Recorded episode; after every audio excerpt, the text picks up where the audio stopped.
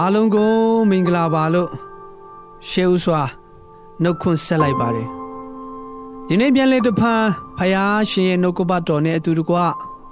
ခွန်အားယူဖို့ဖြစ်ပါတယ်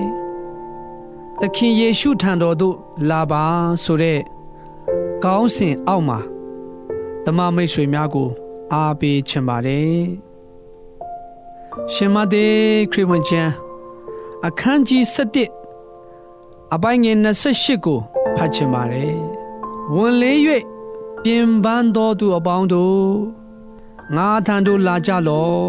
။ငါဒီချမ်းသာပေးမည်။ဒီနေ့ချမ်းသာရဲ့အတိတ်ကိုနင်းငယ်ရှင်းပြချင်ပါတယ်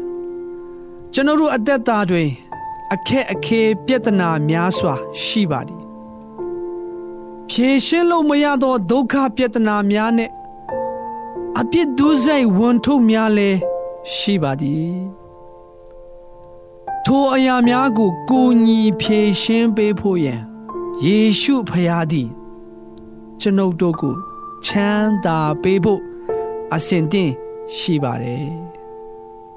လောကဤနေရာမှာမှာကိုဖြစ်ကိုခံဖြစ်သည်သို့တော်ယေရှုကသူ့ထံလာဖို့ပြောပါတယ် ကျွန်ုပ်တို့၏အခက်အခဲပြဿနာအပြစ်ဒုစရိုက်ဝန်ထုတ်များကိုသူ့ထံသို့ယူလာဖို့ပြောပါတယ်။သူဖြေရှင်းပေးမယ်လို့ဂတိပေးထားပါတယ်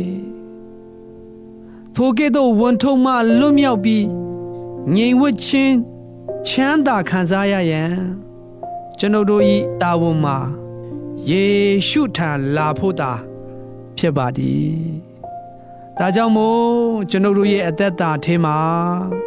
ကျွန်တော်တို့ရဲ့အခက်အခဲပြဿနာဝန်ထုံများကို ကိုရောထံအနံလက်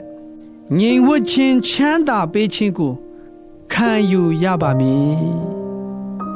။ဒါကြောင့်မို့တမမိတ်ဆွေအားလုံးအတွက်ကျွန်တော်အနေနဲ့ဆုတောင်းပေးချင်ပါတယ်။အဖဖျားယုံကြည်သူမိသားစုများ၏အသက်တာတွင် ခက်ခဲပင်ပန်းသော အမှုအရာများကြုံဆုံလာရသောအခါလူစီမသွားဘဲယေရှုခြံလာ၍ယေရှုဖျား၏ချမ်းသာပေးခြင်းကိုရယူတော်သူများဖြစ်စေပါယေရှုနှင့်တည်ကျွမ်းခြင်း၌တိုးပွားစေပါယေရှုရှင်အဖဖျားကျွန်ုပ်၏အသက်တာထဲတွင် လေးလံသောဝန်ထုပ်များကို ကိုတော်၌အနံပါ၏ကိုတော်ပဲဖြည့်ရှင်းပေးပါ ကိုတော်ပေးသောငြိမ်ဝှက်ခြင်းချမ်းသာကိုခံယူပါ၏ကိုတော်ထံအစဉ်တိုးဝင်ခြင်းကတော်သူ ဖြစ်စေတော်မူပါယေရှုနာမ၌ဆုတောင်းပါ၏အာမင် ဂျာနာသူဓမ္မမိတ်ဆွေရောက်ချင်းစီတိုင်းပေါ်မှာဖယားသခင်ဆက်လက်ကောင်းကြီးပေးပါစေအားလုံးကျေးဇူးတင်ပါတယ်